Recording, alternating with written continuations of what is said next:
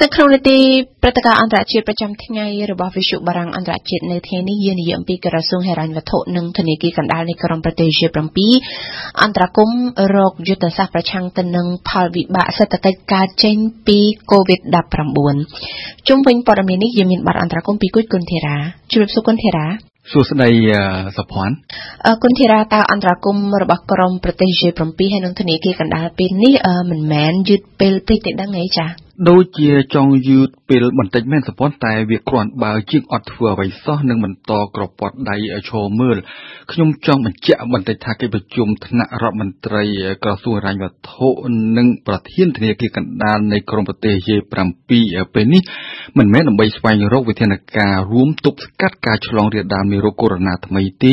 តែស្វែងរកយុទ្ធសាស្ត្ររួមដើម្បីទប់ស្កាត់ផលវិបាកសេដ្ឋកិច្ចដែលកំពុងកើតចេញពីមេរោគកូវីដ -19 ថ្មី កាលពីខែ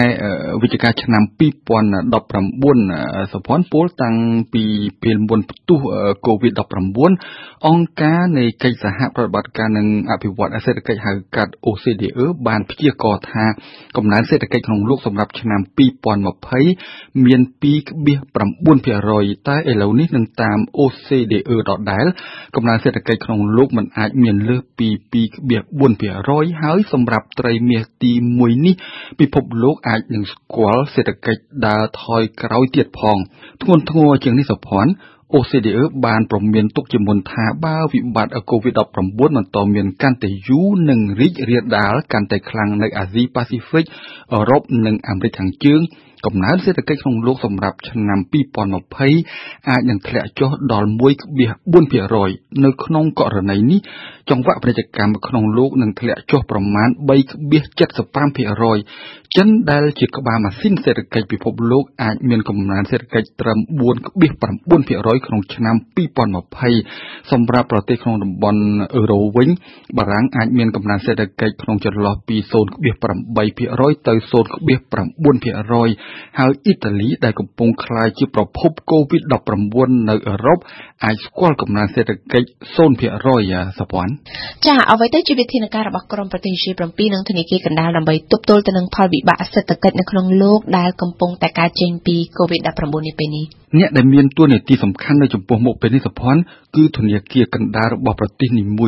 យៗត្រូវត្រៀមបញ្ចេញលុយទៅឲ្យធនាគារឯកជនឬស្ថាប័នហិរញ្ញវត្ថុឯកជនខ្ចីប្រាក់ក្នុងអត្រាការប្រាក់ទាបឬគ្មានការប្រាក់តែម្ដងបន្ទាប់មកធនាគារឯកជនឬស្ថាប័នហិរញ្ញវត្ថុឯកជននឹងបន្តផ្ដល់ប្រាក់កម្ចីឲ្យក្រុមហ៊ុនឯកជនរោងចក្រឯកជននិងពលរដ្ឋជាមួយនឹងអត្រាការប្រាក់ ទាបបំផុតទង្វើរបៀបនេះនឹងអាចជួយផ្ដល់សន្ទុះឡើងវិញនៅចរន្តសេដ្ឋកិច្ចក្នុងប្រទេសដែលកំពុងជាប់គាំងដោយមេរោគកូវីដ -19 ថ្មីតាមព័ត៌មានដែលទើបទទួលបានរដ្ឋមន្ត្រីក្រសួងហិរញ្ញវត្ថុនិងប្រធានធនាគារកណ្ដាលនៃក្រុមប្រទេស G7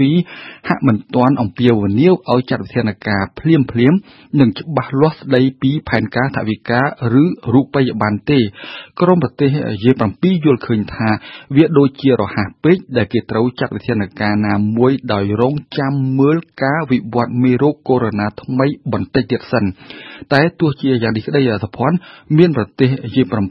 មួយចំនួនបានប្រកាសពីការត្រៀមខ្លួនរួចជាស្រេចដើម្បីស្រោចស្រង់សេដ្ឋកិច្ចដែលកំពុងញោមញីដោយមេរោគកូវីដ -19 ថ្មីសម្រាប់អឺរ៉ុបប្រធាន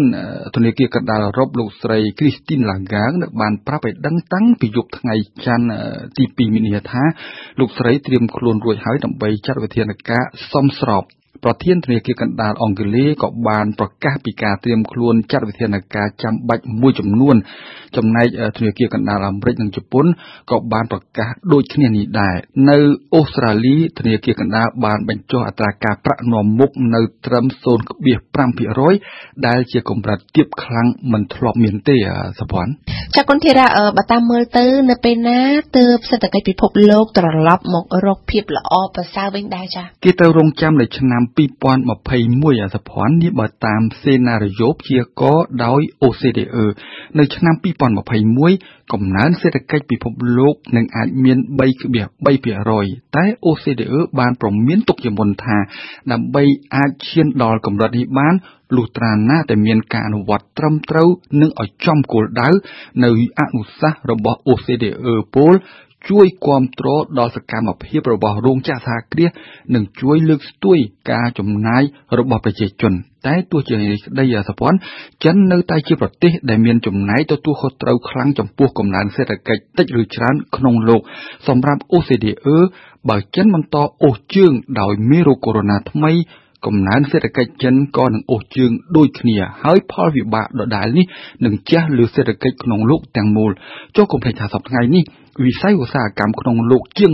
20%កំពុងស្ថិតនៅលើទឹកដីចិនពលច្រើនជាងកាលពីឆ្នាំ2002ដែលមានតិចជាង8%រីឯផលិតផលសរុបក្នុងលោកវិញ ចំណាយរបស់ចិនក្នុងឆ្នាំ2002មានតែ6%គត់តែសប្តាហ៍ថ្ងៃចិនមានចំណាយដល់ទៅ16%សុភ័ណ្ឌអរគុណគុណធីរាចំពោះបទអន្តរកម្មនៅថ្ងៃនេះ